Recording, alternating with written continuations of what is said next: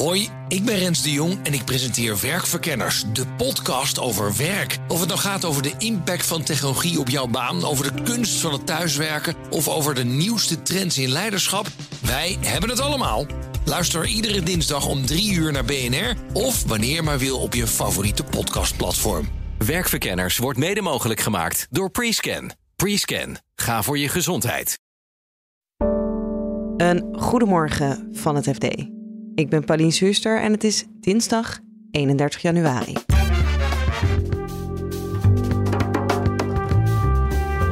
Philips kondigt nog meer ontslagen aan. Unilever kiest een nieuwe CEO. En Talpa en RTL mogen niet fuseren. Dus ja, uh, de zenders, de tv-zenders van Talpa, die bungelen nu wel een beetje. En chatbot ChatGPT kan flink wat geld gaan opleveren. Ja, hoe meer mensen gekke toepassingen bedenken, of, of nuttige toepassingen, of enge toepassingen, hoe meer de kassa gaat rinkelen bij OpenAI. Dit is de dagkoers van het FD. We beginnen met de dag van gisteren, want er was veel nieuws in de wereld van het FD. Te beginnen met Unilever, die kondigde een nieuwe CEO aan, Hein Schumacher. Een Nederlander die nu nog aan het roer staat bij Friesland Campina. Enigszins een verrassing, vertelt retailredacteur Jan Braaksma, want er werd gegokt op een grote naam, mogelijk van een directe concurrent. Belangrijk dossier wat bijvoorbeeld bij Unilever op het bureau ligt, is de keuze tussen zetten ze erg in op, op groeien of op winstgevendheid. Het bedrijf heeft een beetje geleund naar winstgevendheid de afgelopen jaren.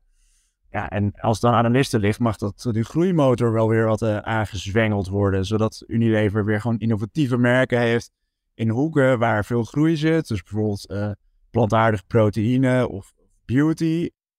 Daar heeft Schumacher niet echt het, uh, het geëikte profiel voor. En had misschien meer voor de hand gelegen iemand van Danone of Procter Gamble te halen. En het is best belangrijk om die aandeelhouders van Unilever te overtuigen. Want ja, Unilever is een Brits bedrijf en bij Britse bedrijven is de aandeelhouder ja, de, bijna de reden van het bestaan. Hè, en is wel de belangrijkste uh, stakeholder binnen, binnen zo'n uh, bedrijf. Dus ja, het is belangrijk dat hij die overtuigt. En dat mag ook wel, want Unilever heeft echt een flinke deuk opgelopen de afgelopen, afgelopen jaar. Toen probeerde Alan Job, dus de huidige CEO, probeerde voor ongeveer 60 miljard een grote overname te doen. Die heel erg slecht viel bij aandeelhouders en ook bij analisten. Die overname ging niet door. Uh, maar goed, de schade was wel geleden. Ook afgelopen weken kwam er weer een, uh, een uh, brief naar buiten van een van de aandeelhouders van Unilever, die er al heel lang in zit en zegt: Wij worden nooit bijgepraat door dit bedrijf. Het bedrijf belt ons alleen. Als er iets aan de hand is, waar we even eh, een verhuizing naar Londen bijvoorbeeld, of een hele grote overname, dan horen we wat van ze. Maar onze ideeën zijn ze niet in geïnteresseerd. Dat soort uitspraken doen uh, beleggers vooral als het even niet zo lekker gaat. En je, daar merk je dus wel aan dat, het, dat er behoorlijk wat vertrouwen hersteld moet worden. En er was ook nieuws over de voorgenomen fusie tussen Talpa en RTL. Waakhond ACM zegt dat hij niet mag doorgaan omdat de combinatie te machtig zou worden. Redacteur Jeroen Piersma neemt een voorschot op wat dit kan betekenen voor het Nederlandse medialandschap. Je zou zeggen, dan komt RTL misschien weer opnieuw aan de markt hè, als te verkooppartij. RTL is op zich een, een prima bedrijf wat winstgevend is en wat een uh, streamingpoot heeft, Videoland die het goed doet. Talpa daarentegen is eigenlijk niet zo heel erg gelukt. John de Mol, daarvan is wel duidelijk dat hij er eigenlijk genoeg van had en dat hij daarom twee jaar geleden besloten heeft om uh, Talpa te verkopen aan uh, RTL en zich weer te gaan toeleggen op de productie van tv-programma's. Dus ja, de zenders, de tv-zenders van Talpa, die bungelen nu wel een beetje. En je zou je kunnen voorstellen dat met name van een partij als DPG, die natuurlijk twee jaar geleden ook al geïnteresseerd was in het overnemen van RTL, dat die eventueel ook wel geïnteresseerd zou zijn om um, Talpa-zenders over te nemen. Dus dat zou een mogelijkheid zijn. Er is ook gewoon de mogelijkheid dat ze um, nu gewoon een paar jaar gaan zitten wachten. Hè? Dat, en, en kijk, die, die markt, die mediamarkt, die verandert van uur tot uur, van dag tot dag. En het zou best eens kunnen zijn dat als ze het over drie of vier jaar opnieuw proberen, dat ze dan wel toestemming gaan krijgen van de ACM. Dus dat is ook een mogelijkheid. Hè? Dat ze gewoon gaan wachten en het later nog een keer proberen. Maar zoals gezegd, de andere mogelijkheid is dat er toch weer uh, nieuwe combinaties denkbaar zijn, waarbij waarschijnlijk DPG een rol kan spelen. Our goal is to remove complexity and become much more focused on strategy and innovation execution. This will also include the difficult but necessary further reduction of our workforce by an additional 6,000 roles globally by 2025. Je hoort Philips-topman Roy Jacobs. Die presenteerde gisteren voor het eerst de jaarcijfers, een netto verlies van 1,6 miljard euro. En hij kondigde dus ook een reorganisatie aan van nog eens 6000 mensen. In Nederland verdwijnen er zo'n 1100 banen. Waarom dit allemaal nodig is, dat hoorde je eerder al in dagkoers. Het linkje naar die aflevering van vrijdag vind je in de show notes. En daar vind je ook de link naar de online special die we maakten over 30 jaar Philips.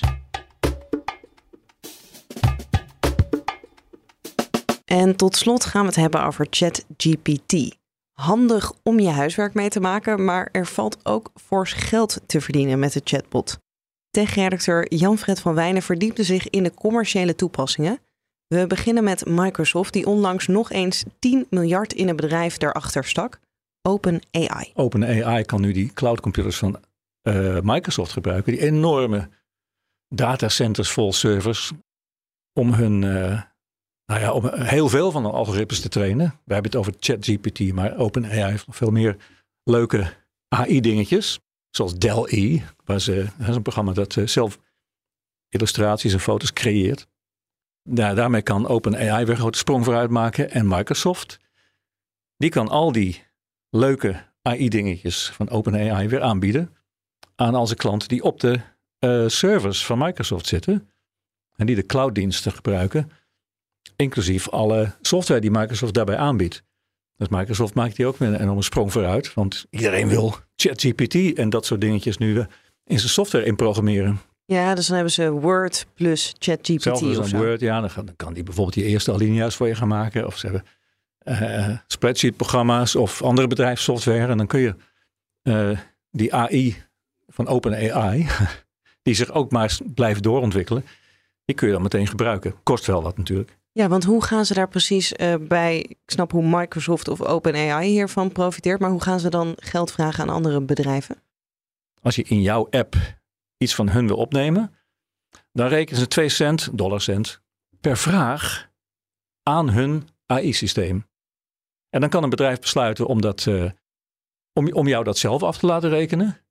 Of het wordt weer een onderdeel van het hele pakket dat ze jou als klant aanbieden. Ja, dus je koopt een licentie ja bij OpenAI. Ja, dat is wat je doet. Dat kan dan wel flink uh, op gaan lopen, denk ik. Ja, hoe meer eh, mensen gekke toepassingen bedenken, of, of nuttige toepassingen, of enge toepassingen. Uh, hè, dat hangt er vanaf welke bril je daar naar kijkt. Ja. Hoe meer de kassa gaat rinkelen bij OpenAI. En er beginnen ook wat commerciële toepassingen al te komen. Je hebt er een aantal bekeken. Ja. ja. Wat vond je opvallend? Interessant vind ik zo'n programma als uh, Do Not Pay, de Amerikaanse app.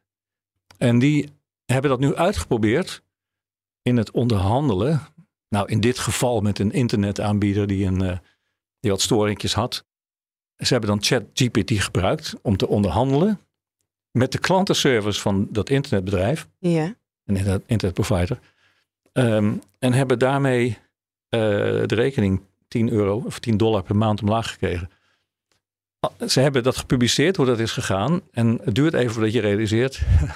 ChatGPT onderhandelt hier met een chatbot. Ja, want die klantservice gebruiken dat ook Comcast, veel. Hè, de internetprovider. Want bijna allemaal gebruiken ze nu voor de, voor de simpele dingen chatbots.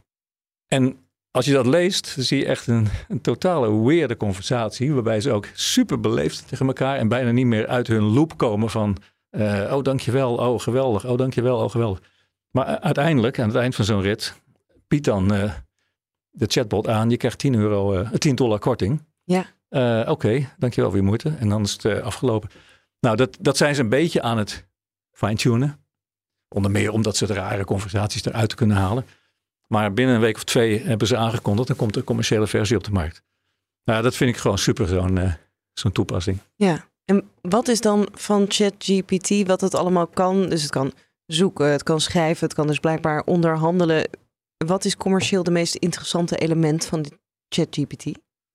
Um, ja, ik, ik kan natuurlijk niet in de, in de onderhandelingen kijken tussen dat soort bedrijven. Maar bijvoorbeeld Amsterdamse Zita Alpha, die heeft al een, uh, ja, interessant programma om voor, voor hele grote bedrijven die heel veel documentatie, kennis hebben, eigen artikelen schrijven, interne wikis hebben om al hun slimmigheidjes te verzamelen.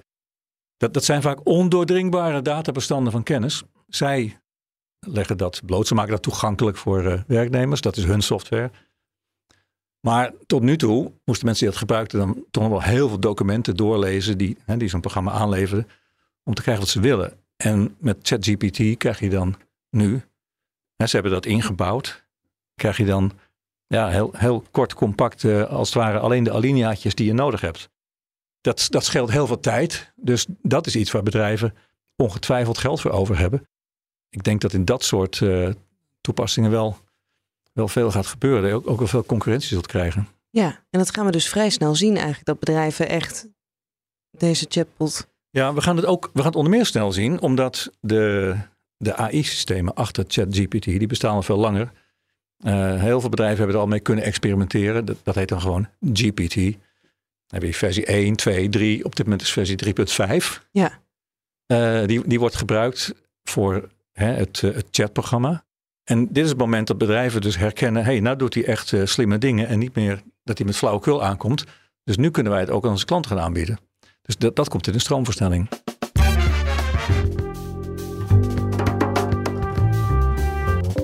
Dit was de dagkoers van het FD. Je vindt de linkjes naar de verhalen die we bespraken in de show notes. En die vind je dan weer in je favoriete podcast-app. Kan je overigens ook abonneren op Dagkoers. Dan krijg je morgenochtend automatisch de nieuwste aflevering binnen. Het laatste financieel-economisch nieuws, dat vind je natuurlijk op fd.nl.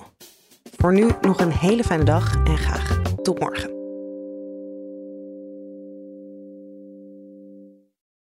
Hoi, ik ben Rens de Jong en ik presenteer Werkverkenners, de podcast over werk. Of het nou gaat over de impact van technologie op jouw baan, over de kunst van het thuiswerken of over de nieuwste trends in leiderschap, wij hebben het allemaal.